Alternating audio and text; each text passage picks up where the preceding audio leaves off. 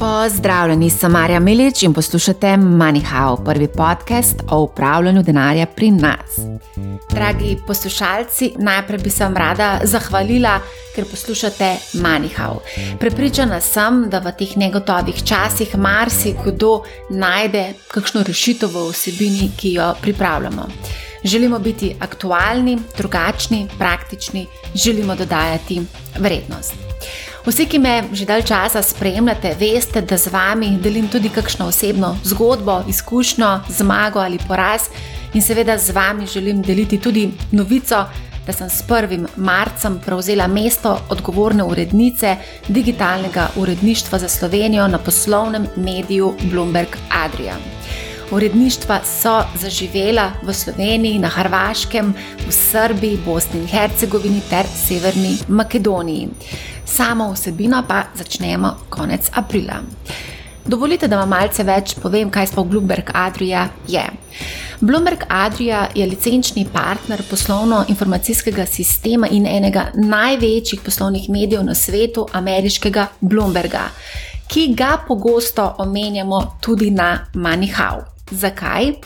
Pri svojem delu, iskanju podatkov, analizah, novicah si namreč pomagamo tudi z Bloomberg terminalom. Ta v realnem času zagotavlja poslovno-finančne informacije, podatke, novice, ki so nujno potrebni za delo v finančno-investicijski panogi, bančništvu in tako dalje. Bloomberg v svoji medijski pojavnosti skrbi za ustvarjanje kakovostne poslovne vsebine z dodano vrednostjo po celem svetu in je na voljo bralcem tako prek vseh digitalnih kanalov, kot tudi v obliki televizijskih programov in paradijskih oddaj. Kaj zdaj vse skupaj to pomeni za MoneyHow? MoneyHow ostaja z vami v takšni obliki, kot ga poznate. Še vedno bomo kritični, aktualni, analitični in si bomo seveda prizadevali za širjenje finančne pismenosti. Gremo kar na aktualno vsebino in pogledamo dogajanje, zadnje dogajanje. Rusija oziroma Putin, ki ga svetovni mediji označujejo za diktatorja, avtokrata, nevarnega blazneža, še vedno z vso silo napada Ukrajino. Ukrajinci se herojsko borijo, orožje v roke so vzeli tudi civilisti. Ukrajincem poskušajo z različnimi sankcijami zoper Rusijo in pa seveda tudi dostavo orožja pomagati države članice NATO, teh je 30, poleg evropskih držav, tudi ZDA in Kanada. Pomagajo seveda tudi druge države, ki niso del te severnoatlantske pogodbene organizacije. Kot zanimivost omenimo, da se je sankcijam Evrope proti Rusiji pridružila tudi Švica, ki ima najdaljšo zgodovino vojaške neutralnosti na svetu. Omenimo pa tudi, da je premoženje Putina, njegove družine, sodelavcev in ruskih oligarhov zamrznjeno. Prav tako tudi 630 milijard dolarjev oziroma 569 milijard evrov težka rezerva Ruske centralne banke, ki jo ima v drugih valutah in zlatu. Moskovska borza je zaprta tretji dan zapored, delnice nekaterih ruskih podjetij, ki kotirajo na londonski borzi, pa so upadle za več kot 90 odstotkov. Tudi ruski rubel je strmoglavil. Trenutno je en rubel vreden manj kot en cent, torej skoraj nič vreden. V prejšnji epizodi smo preverili, kakšni so bili vplivi zgodovinskih dogodkov, kot je recimo vojna na finančne trge. Danes bomo pa pogledali, kakšno vlogo imajo v tej Putinovi vojni kriptoimetja. Z menoj je Matej Tomažin, izvršni direktor kriptoplatforme Economy. Matej, ste že imeli priložnost spoznati v večjih epizodah MoneyHow je poznavalec tako kripto, kot seveda tudi borznega sveta. Hvala, da si z nami in da si tudi pripravljen sodelovati v teh kaotičnih časih. Ja, ni problema, lepo zdrav vsem. Ja. Evo, kriptovalute imajo trenutno kar precej pomembno vlogo v tej ruski invaziji na Ukrajino.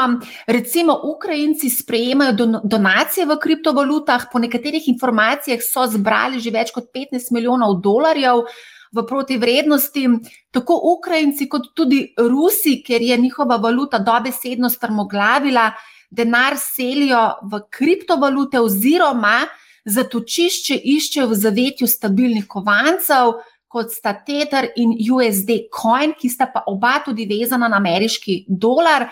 Če ti lahko še na hitro številke povem, od začetka te vojne, torej 24. februarja, se je tržna kapitalizacija obeh omenjenih stabilnih kovancev, po podatkih CoinMarketCapa, povečala za 850 milijonov evrov. Toliko naj bi bilo neto prilivov, seveda ta prirast ne moremo izključno pripisati vojni v Ukrajini. Zdi pa se, da se ljudje težko zanesejo na tradicionalne banke v tem kaosu, ker je dostop do bančnih računov praktično nemogočen. Videli smo, da so nekatere ruske banke tudi izločili iz medbančnega komunikacijskega omrežja SWIFT, hkrati pa tudi lokalna valuta pospešeno izgublja na vrednosti. Kaj si ti misliš o vsem skupaj? Ja, to je še ena potrditev, da nekako obstoječi finančni sistem kaže neke tiste, kako bi rekel, šibke točke, ki lahko udarijo posameznika. Uh, teh signalov smo v sami zgodovini zdaj videli že kar nekaj. Um, ta vojna je pač uh, zadnja v tem nizu. Um, mogoče bi poudaril, da takrat, ko je bilo v Grčiji, ko je bila finančna kriza, Um, takrat je bil kar precejšen, v bistvu precejšno zanimanje za Bitcoin, um, pa pol Argentina, inflacija. Um, pa mogoče zdaj, na vse zadnje, tudi Kanada. Ne? Kanada je bila isti, ko je Trudeau rekel, da vsak, ki bo protestiral, pa vsak, ki bo pomagal protestirati, v bistvu, da jim bodo zamrznili finančno premoženje brez sodnega. Uh, pos, tako, brez sodnih orderjev, kar je nekako dalo nakazati, da ups, to imeti na centraliziranem računu, nekje, kjer lahko nekdo pritisne on-off, je pač ima svoje tveganja. In tudi sama vojna um, je premešala karte in ljudje, ki so prejšnji teden imeli, naprimer, prihranke na kakšnih ruskih bankah, v bistvu so v bistvu danes pač. Uh, so potisnjeni v kot. Um, prvič, ne morejo kaj veliko s tem početi, drugič, pa v bistvu, če so imeli karkoli odprtih obveznosti ali pa stvari um, v tujini, ne, je zelo težko v bistvu um, delovati. Ne. In vse to vodi, seveda, je nekako voda na mlin v bistvu digitalnim valutam, obstoječim pač decentraliziranim projektom. Um, tudi to, kar si omenila, TETR, pa USDC. Ne, to sta centralizirana projekta, um, ki imata še zmeraj svoj rizik. Ne? Rizik, da nekdo pokliče te izdajatelje in reče: Ups, um, zdaj vam bom pa zamrznil vsta kolateral. Ne? In ta nič. Ne? Te stvari je treba imeti uh, na umu. Um, je pa seveda, pač kot rečeno, se pravi, pojem decentralizacije se z vsakim takim konfliktom ali pa vojno ali pa s takim rekel, uh, dogodkom povečuje. In ljudje bodo nekako šli v to smer, da je peer-to-peer, -peer, se pravi, brez posrednika povezava, da lahko, naprimer, jaz pa ti enostavno poslujeva brez drugih. In ta del je zelo, zelo zanimiv. Jaz se spomnim, v bistvu, kako so bili, v bistvu spomnim. Pač bral sem zgodovino denarja, ko so bile vojne, um, kako so ljudje trgovali, oziroma kako so ljudje v bistvu kupovali za, rečemo, za živila, kako so preživeli. Ne? In ko so bile, naprimer, samurajske vojne. Mm, Na japonskem, v bistvu, tam se je pokazalo, v bistvu, da najlažje je trgovanje z uh, diamanti ali pa dragulji, ker so zelo majhni in hitro prenosljivi. In zdaj, če se obrnemo na te dve karakteristiki, hitro pa prenosljivo, v bistvu zlato imeti v sefu, pa težko ga boš. Ja, Picasso na steni, tudi težko ga boš pre, prenašal. Uh, Ko pride kriza, ta prava kriza, ki moraš kaj ne vem, uh, bežati ali pa teči. No, kripto je 24 besed, si jih moš naučiti, ne, ne rabaš nič drugega. Private, ki si jih zapomniš. Ma pa svoje v bistvu izzive, svoj tudi kripto. To je pač ta odgovornost uh, skrbništva, oziroma odgovornost, v bistvu, da ti skrbiš za premoženje, da ne smeš pozabiti kot, da ne smeš pozabiti uh, pač teh osnovnih stvari. To, to je pa pol druga plat medalja. Ne? Ampak kot rečeno, ne, um, naša industrija, se pravi kriptoindustrija, danes ponuja zelo dober v bistvu izhodišče uh, za take razmere. Ne. Je pa tako, da v bistvu še vedno rabaš neko banko, da prenakažeš denar na menjalnico in potem seveda trguješ in posluješ v kriptu kot prvo. Kot drugo, je pa to lahko tudi konec koncev leverage za neko državo, oziroma konkretno v tem, kaj so, so v bistvu centralne banke nekako pritisane na Putina, ga finančno, finančno kaznovale Putina, državo, oligarhe, vse skupaj, ker če bi ne bi imeli tega sistema, verjetno takšnih ja. sankcij ne bi bilo. Vsekakor, v bistvu stvar ni enostavna, je kompleksna, ne? ima več v bistvu teh nivojev. In... Ampak tako, gledajoč, v bistvu, kako se svet razvija, ne? ni nujno, da bova v eni točki potrebovala evro kot je. Lahko se bova sami izmenjala nek žeton ali pa pač blagovna menjava. Um, včasih, um, smo pač ljudje prišli ven iz, ko bi rekel, iz jama, ne, pa smo začeli se mal uh, z drugim pogledovati, uh, je bila blagovna menjava, takrat še ni bilo kovancev. Ne. In mogoče je to tudi en tak zametek, ne, ker lahko boš menil eno, ne vem, en. Zdaj imamo sicer stablecoin, ki je pač najlažje, pač kot rečemo, menjalno sredstvo, ki ima, rekel, ni volatilno, pa se na neki nanaša. Ne. Ampak že zdaj so pobude, da demo narediti stablecoin, ki ne bo samo na eno valuto, ne, ampak bo na košarco valuto ali pa na neki drugega, na neki. Um, pač ne vem, jaz se mogoče tako. Doskrat v finančnem svetu je bilo rečeno McDonald's indeks. Ne. Se pravi, uh mhm. -huh. koliko je vreden McDonald's uh, v Ljubljani ali pa v New Yorku ali pa v Indiji. Um, pač en Big Mac je, Big Mac. Um, tako da mogoče se bo pa to kaj pokazalo.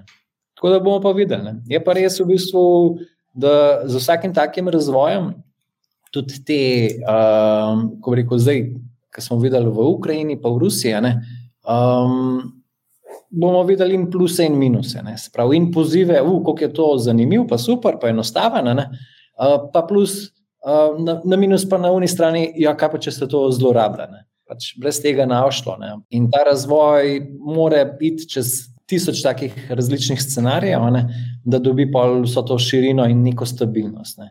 In tudi kriptovalute v tem pogledu niso ni prav nič drugačne. Ne. Ja, um, to si dobro povedal. Um, the Big Mac Index, ne, ki spremlja v bistvu ceno Big Maca po ja. različnih državah, ker gre za nek standardiziran produkt ne, in ga imaš v vseh državah. Mogoče bi pa sam nekaj vsem uh, tukaj povedala. Zdi se mi, da ko pride do ene take res uh, hude situacije, kot je vojna, ne, greš v neke ekstreme. In tukaj se mi zdi, da je valuta, spremeni se valuta, vrednost nečesa, nekaj postane lahko valuta. Recimo v zaporih, recimo konkretno je valuta cigaret. Ne. Predstavljam si, da v vojni postane valuta lahko nekaj drugega, kar ti lahko primaš v roko. To, to sem rekel. Pač takrat, ko je vojna, v bistvu takrat, naprimer, nimaš dostopa do vem, nafte, nimaš dostopa do živil. Ne?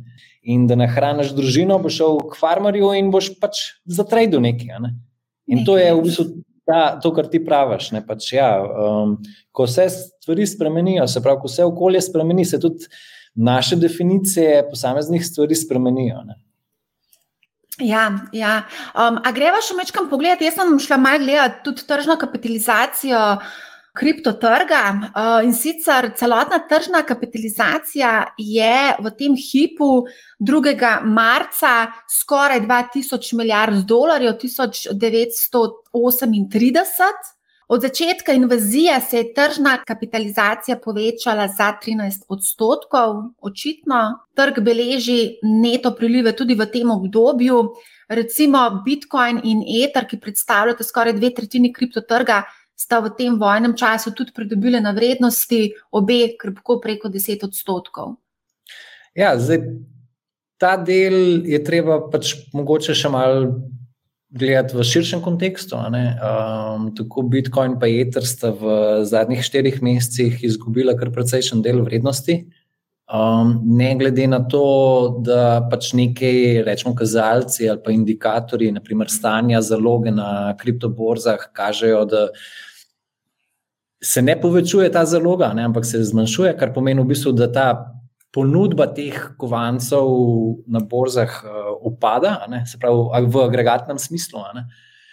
Um, in je tukaj zdaj stvar, ko rekel, prišla do te točke, ne, da prvič je bil šok, ne, um, ni se zgodil ta šok, kot smo ga videli na Lehman Brothersu, ki je bila likvidnostni šok, ki so vsi uh, finančni razredi padali, ne glede na um, stopno tveganja, ki jo nosijo. Tega ta trenutek v bistvu nismo zaznali, ne? razen v bistvu mogoče v enem ali pa dveh dneh, ki je bil pač čist šok ali pa okay, ta negotovost, ki se je sprostila. Um, druga stvar, ki pa je v bistvu je pa to, um, kaj zdaj spet tudi ta kripto pomeni napram v bistvu vsem tem stvarem. Um, dejstvo je, da vojna, kako koli obrneš, ima vpliv na makroekonomijo. Um, To pomeni, da bo to zdaj malo večja inflacija, ali to pomeni drugačno obnašanje centralnih bank zaradi pač eh, nepredvidenih stvari. Vidimo, da je zdaj nafta že skočila gor, um, tudi plin je skočil gor. Um, tako da to so vse nove spremenljivke, ki spremenjajo v bistvu makro okolje v finančnem svetu. Ne. In zdaj kripto kot tak je pa zdaj zelo povezan, zato ker če smo pred petimi leti ali pa pred štirimi, ali pa ja, rečemo, pred, če smo pred petimi leti videli na kripto trgu predvsem male vlagatelje, pa peščico velikih vlagateljev, se pravi institucionalnih, je zdaj v bistvu slika, koliko je teh vlagateljev. Enako aktivnih, teh ta velikih, ne, enako aktivnih na kripto ali pa na tradicionalnih, se že v bistvu tukaj, tukaj. Pravi, in to obnašanje kot ga beležimo na tradicionalnem trgu, pa na kriptotrgu, se pač prepleta. In ta potreba po likvidnosti je, v bistvu, je treba zdaj upozoriti, v bistvu, kar z enakega zornega kota. Um, ni, ni, ni, ni več, da bi rekel, da je pa en svet, ki je pač čisto izoliran, ima svoje igralce in podobno. Ne. Zdaj pač tega ni. Ne. Je pa res, da v kripto svetu bodo pa prihajali novi igralci, ki jih pa tradicionalna finančna industrija nima. Ne.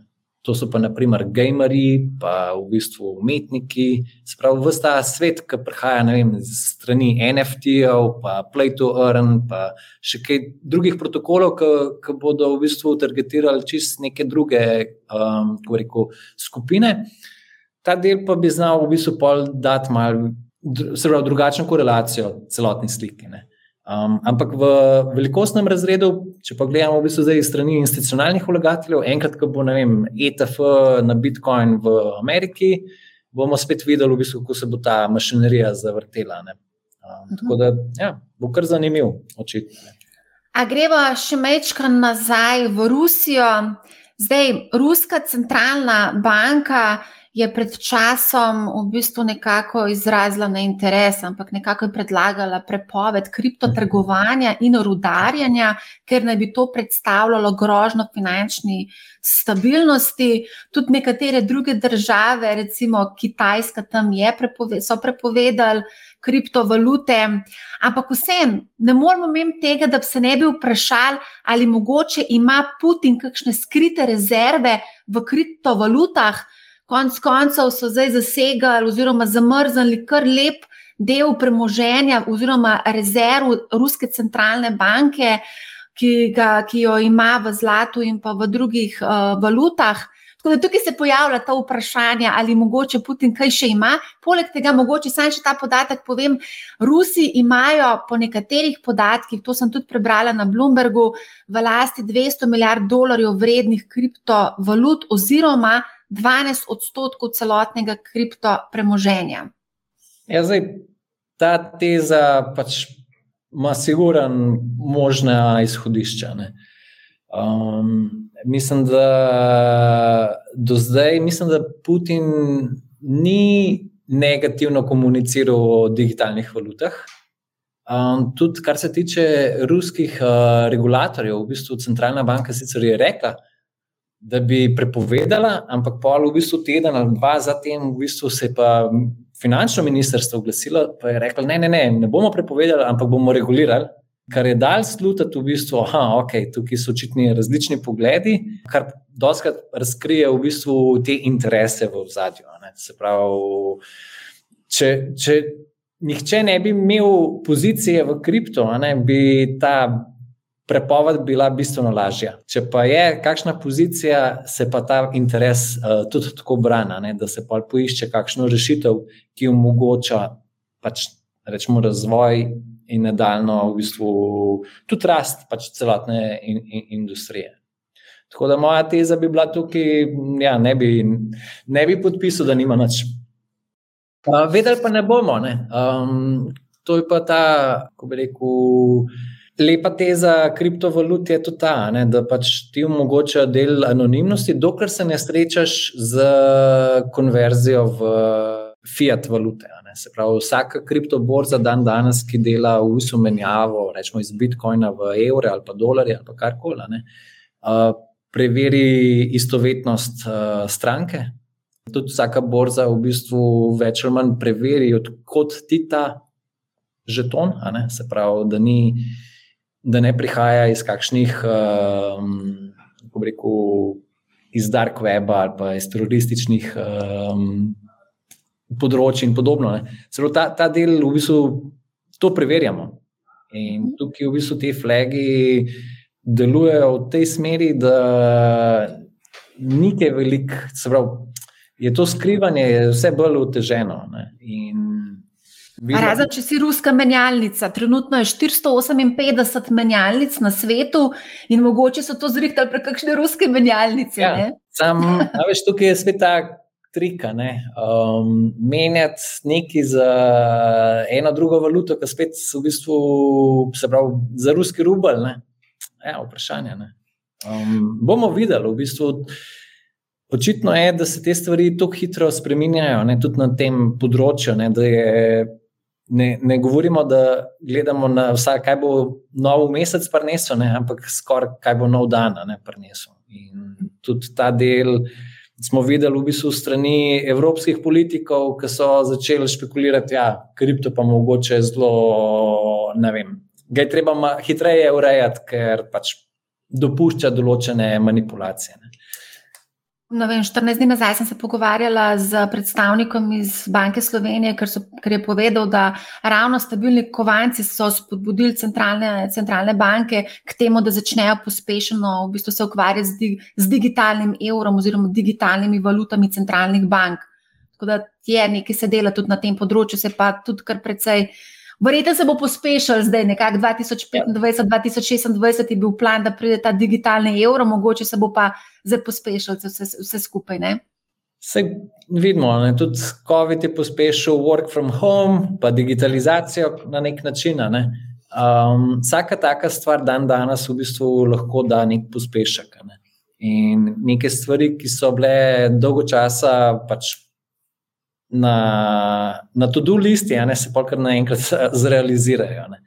Regulativa v bistvu digitalnih valut v bistvu je pač to je nova tehnologija, ki bo tako ali drugače inkorporirana v naš vsak dan. Je samo vprašanje, um, na katerih področjih vse bomo jo zaznali, uh, ki bo pa povsem v bistvu integrirana, pa sploh ne bomo pač. Pravi, če ne bomo šli gledati v zadje, jo sploh ne bomo začutili. Ne. Um, definitivno, v bistvu, tudi vidimo, da danes te definicije, kar se tiče denarja, tiskanja uh, in vse teh povezanih stvari, ne, um, imamo nove definicije. Ne. Se pravi, ne moremo, se pravi, če bi rekel pred 20 leti, da je nek zahteven donos um, za tvegane naložbe, na nekem nivoju je danes ta donos v bistvu drugačen, ne? ker so v bistvu dolgoročne obrestne mere drugačne, pač drugače je. Ne? In svet, je, svet se hitreje vrti v tem pogledu, ne? in se mi zdi tudi, v bistvu, da bo ta.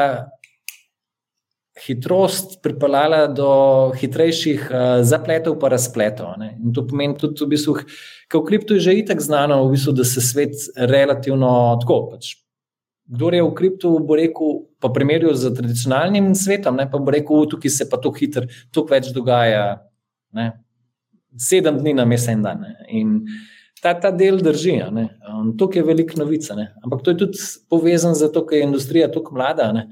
Pa je vsaka taka nova informacija konkretno lahko spremeni. Um, naprimer, kaj sem. Da pride zdaj ameriško pravosodje v bistvu z neko novo zakonodajo, ki bo se dotikalo tudi te industrije, ne? bo to imelo vpliv. Zato, ker vse tudi druge države gledajo, kaj počne, naprimer Amerika, kaj počne Velika Britanija, kaj počnejo pač te velike države. In to probajo v bistvu se nekako uh, se malo sposojati. Ne. Zdaj, če pogledamo, kako je bila Slovenija, ki smo mi začeli, smo tudi prepisali vem, zakon o gospodarskih družbah uh, na pol strani vem, nemške zakonodaje. Ne. Pravi, tukaj je vse, pač ta copy-paste zmeri obstaja, posebej pri novih industrijah. Ne. Nekdo nekaj napiše, testira, vidi in pa se to uporabi. Ne. In tudi ta digitalne valute, ki bodo v bistvu centralne banke, ja, se, oni lahko opazujejo samo obstoječ kripto svet. Okay, imajo Kitajci, imajo zdaj uh, digitalni yuan. Um, ampak vprašanje je, koliko lahko centralne banke, rečemo evropske, so v bistvu dobivajo teh informacij na, na kitajski strani. Ne. Ampak definitivno v bistvu so neke zametke ne, in to pa traja nekaj časa. Ne od Kitajcev, mogoče res malo težji. A gremo mogoče uh, kriptomenjalnice, uh, zdaj trenutno dajajo kar, kar lepe, oziroma bom rekla, milijonske donacije. Včasih se mi zdi, da gre tudi za nekakšen odpustek. Uh, ker ne želijo zamrzniti račune ruskim posameznikom, vlagateljem na njihovim strankam, recimo na Binance, pravijo, da ne bodo zamrznili račune Rusom, čež da gre za nedolžne posameznike, ki niso neposredno upleteni v ta konflikt. Kako pa je recimo na ekonomiji, koliko imate vi ruskih strank, a ste mogoče razmišljali o kakšnem, da bi ne. zamrznili račune ali pa kaj podobnega? V ekonomiji pač mi sledimo rečemo, smernicam in pravilom, ki jih pač angliške institucije dajo ven. Um, se pravi, od sankcij pa do v bistvu priporočil. Tako da v, bistvu v tem kontekstu tega ni bilo. Um, tukaj moramo vedeti, da to so stvari, ki so zelo pač kompleksne in občutljive. In vemo, kako se zgodbe o zaupanju gradijo dolgo časa, pa, pa lahko z eno tako hitro potezo, ki je lahko mogoče make sense ali pa všečna, pa, pa se pa pokaže, da mogoče pa ni bila lih najbolj prav zastavljena, ne, se lahko v bistvu ta zaupanje zgubi. Um, zdaj pa nas ni, nimamo veliko teh strank, um, mi vsem pač na naši platformi postujemo, predvsem z evri. Um, tako da v bistvu že tukaj so, v bistvu imajo pač rečemo, ru, ruske stranke pač izziv, kako nakazati evre. Um, tako da to je to. Ne. Verjamem pa, da v bistvu je tukaj tudi en del tega, ne, da se pusti, ko reko, politično, vojaško na eni strani, pa ta biznis na drugi strani. Je pa res, da to, kar gledamo danes, ne, pač je katastrofa. Ne, da v tem modernem času v bistvu se spet pogovarjamo o stvarih, ki so bile vem, pred 30 leti v Sloveniji ali pa pred uh, 80 oziroma ne vem, koliko leti, ki je bila druga svetovna vojna. Pač to je strašno. Um, je pa dan danes v bistvu ta zadeva, ko reko, to globalna, da imamo prvič informacije na dosegu, uh, to bolj jih čutimo, pa ker je ta del v bistvu globalen, predvsem kriptoindustrija je globalna. Ne? Je tudi to dejstvo, da pač uh, imaš siguren kakšnega človeka ali pa sodelavca ali pa v bistvu kolega, stranko, ki je na tej ali pa drugi strani. Ne? In so, ko reko, je ta vpliv mogoče pa tudi tukaj čutiti.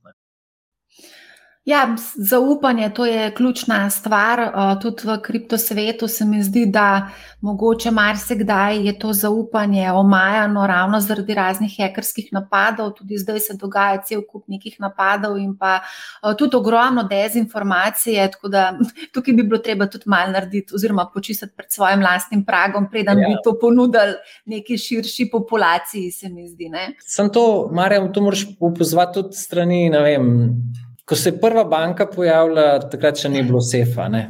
pa je bil denarna policija. Ne? Pa je prišel ropar, pa je vzel iz policije denar. In pa so rekli, da moramo malo varovati, da imamo sef noter. Ne? Pa pol v bistvu je prišel ropar, pa je rekel, da bom jaz sef odprl, pa odnesel. Ne? Pa so rekli, da moramo podati neka vrata tukaj. Pa, Hočem povedati, da v bistvu ta varnost, pa to zaupanje, to se gradi skozi čas. In te hekerje, v bistvu moramo tako pač gledati, lahko jih čisto gledamo, podoben kot so bili ti v Wild Westu, pač ropari banka. Ne. Varnost se gradi in tudi v bistvu ropari ali pa hekerji v bistvu na isti način pridobivajo znanje. Ne. In tudi njihova, v bistvu, rekel, iznajdljivost skozi čas raste. Ne.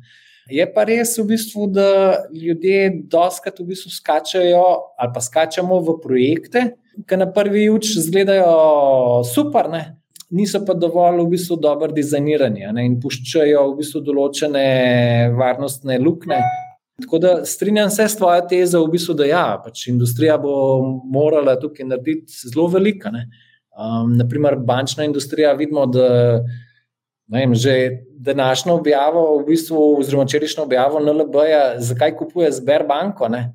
V bistvu ne, ne zaradi priložnosti same, ampak zato, da bo ohranila v bistvu tudi uh, bančno stabilnost, rečemo v regiji oziroma v, v državi. Ne?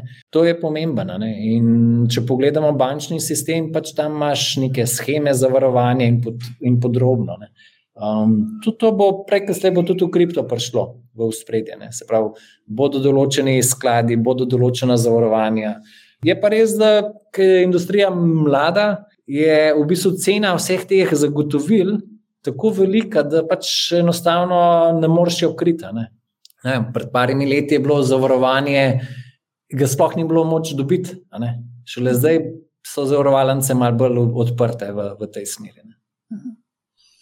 Ja, zdi se mi, da pa vsem um, ta manever iz teh tradicionalnih valut v kriptovalute predstavlja za marsikoga en tak velik izziv. Veš, ko slišijo izraze uh, DeFi, NFT, stekanje, uh, 18 tisoč različnih uh, valut je, ja, ja različnih ja, projektov, kako zdaj oceniti, kater projekt je verodostojen, ni verodostojen to si predstavljam, da za nekoga, ki je zdaj tam v neki situaciji, da bi študiral vse to, zato da hitro pretopi svoje, svoj denar v neko kriptovaluto, se mi zdi zdaj tako mogoče zelo nerealno. No? Ne, definitivno. Sej nobena taka župa se ne poje tako vroče, kot se je skuha. In jaz mislim tudi v bistvu te kriptovalute, če gledam zdaj iz strani posameznika. Ne, se bo že dovolj, če bo dal 10 ali pa 50 evrov, pa se s tem nekako učil, pa videl, pa razpravljal. Včasih v bistvu tudi starejši bodo šli v ta korak samo zato, da bodo lahko imeli kakšno pogovorno točko z mlajšimi, ki bodo pa mogoče iz drugih koncev malo bolj v tem svetu izpostavljeni. Ne. Tako da tukaj lahko gledamo mogoče našo izkušnjo, kako smo Slovenci prišli do delnic. Okay, zdaj, sicer so bile certifikati razstaljeni, ampak vseeno, se pravi, tiskaj pa na novo investiral v delnice, tudi ni vedel, kaj je to, kako je to, pa kje so zdaj podjetja. Ne, sej, pač greš do ljudi, pogovarjaš, so na sveti, so taki in drugačni. Veliko je v bistvu napačnih odločitev, ampak to je vse, ko bi rekel, krivulja učenja. Zato imaš to, da dajo manj havne. Ja, točno to. Finančno pismenjevanje, tudi kripto pismenjevanje, konec koncev, to je tudi del tega sistema in pač tudi se moramo izobraziti. Um, Matej, da greva za konc, um, da povej, kaj, kako ti vidiš za to situacijo, kam gremo, kako razmišljaš ti zdaj o vsem skupaj. Vidimo, da se res dogaja nevrjetne zgodbe, scenariji, sankcije. vse to bo vplivalo tudi na naše življenje, to bomo vsi čutili, čutili so že komitenti iz Berbanke, tako da kaj nas še čaka, kam gremo. Ja. Definitivno gremo v, bistvu v svet, ki bo podprt z bistveno več tehnologije. Ta tehnologija bo omogočila določene alternative današnjim v bistvu družbenim ureditvam. To je čisto na družbeni ravni. Se pravi, neki ideali uh, bodo lahko možni v kontekstu decentralizacije, se pravi, da bodo določene stvari funkcionirale, brez da se jih dotaknemo ali pa na nje vplivamo, ampak bomo vedeli, v bistvu, kot neka standardizacija, da je. Ne, se pravi, uh, če bo nek protokol zagotavljal iz A v B, uh, pa bo to delovalo brez, brezhibno. Uh, se bomo lahko na to nanašali. Ne? In ta logika se bo poskušala umestiti v različne spore našega družbenega življenja, od rečemo, volitev do v bistvu upravljanja podjetij ali pa upravljanja projektov. In v bistvu to je pač zdaj nekaj, rečemo, dolgoročna iztočenca. V vsem tem krajšem obdobju bomo pa videli v bistvu toliko različnih zgodb, ki bodo vplivali na rekel, na to volatilnost, ki jo vidimo na trgih. Ne. Se pravi, enkrat bo zelo optimistično, enkrat bo negativno, enkrat bodo nove stvari dodane k tej celotni enačbi. Um, mogoče se bomo kdaj tudi našli v točki, kjer bomo težko razmišljali, kaj sploh nas čaka, ali pa v kaj se bomo zbudili naslednji teden. Tako da v bistvu jaz razmišljam predvsem o tem, ne, da nas čakajo spremembe, je treba biti odprt in spremljati in se učiti. Um, ker to, kar smo videli, pa to, kar poznamo, ni nujno, da bo nam na enak način služilo tudi v prihodnosti. Kar pomeni, v bistvu prihajajo pač nove definicije, novi sistemi in tudi nove priložnosti. Ne. In kripto je ena taka, ko rekel, področje, kjer ima te neke specifike in ponuja. Um, Kaj ti dan danes um, lahko vidimo? Pač, um, rekla si Zberbanka, naprimer. Zberbank Evropa, v bistvu prejšnji teden je bila še čisto normalna banka, danes je pa ni več. Ne. Tako, hoče reči, ko se stabilno sliši, v bistvu se to očitno dogaja tudi tistim institucijam, ki so najbolj stabilne ne, ali pa se nam ponujajo kot najbolj stabilne. Ne. Ja, tukaj je šlo, tukaj, tukaj šlo res za eno ekstremno situacijo. Vojna, ja, pač. ampak, a veš, v življenju se vseeno v bistvu. Vsake toliko časa se pa zgodijo te ekstremi in jih ne smemo uh, reči, ne, ne smemo se postaviti v pozicijo, da pa rečemo, da ja, to se pa sigurno ne bo zgodilo. Ne. ne, mislim, pač, da smo pa to že kar nekako ukvarjali. V Sloveniji smo dali kar par takih primerov, ne, od hranilnice, lon, pa do v bistvu rečemo, kaj se jim na, na vse zadnje. Faktor banka. Faktor banka, NKBM. Um, veš, tak, takih stvari. Na, na, ko rekel, če gledamo v kontekstu petih let, jih ni veliko, ampak če gledaš pa v kontekstu 30 ali 40 let, je pa nekaj je. Ne? Um, če gledaš v obdobju 100 let, imaš pa vojne, pa v bistvu take stvari, pa drugačne stvari. Ja. Imáš tudi koronavirus, ki nas je tudi konec koncev presenetil, to je pač navidni sovražnik, lahko rečemo. Pa tudi nismo bili pripravljeni, to pa nihče ni verjel, da lahko pride do teh scenarijev. Ne, evo, dve leti potem, zatem imamo še zmeraj to situacijo, še zmeraj ljudje zbolevajo in tako dalje. Noč, Mataj, mislim, da sva obdelala zdaj okay. trenutno, kar se dogaja. Tako da hvala za zanimiv pogovor. Hvala vsem poslušalcem, kot rečeno, smo z vami v dobrem in v slabem. Pripravljamo še nekaj teh posebnih epizod, s katerim bomo poskušali pojasniti trenutno dogajanje. Če imate kakršno koli vprašanje, mi pišite na marja.afnabusinespace.com ali preko katerega od družbenih omrežij. Naročite se na podcast Manihau, zelo bom vesela, če boste posredovali informacijo o podkastu prijateljem, znancem, sorodnikom in vsem, za katere menite, da bi jim vsebina lahko koristila. Poslušajte Manihau, ne bo vam žal. Lep pozdrav!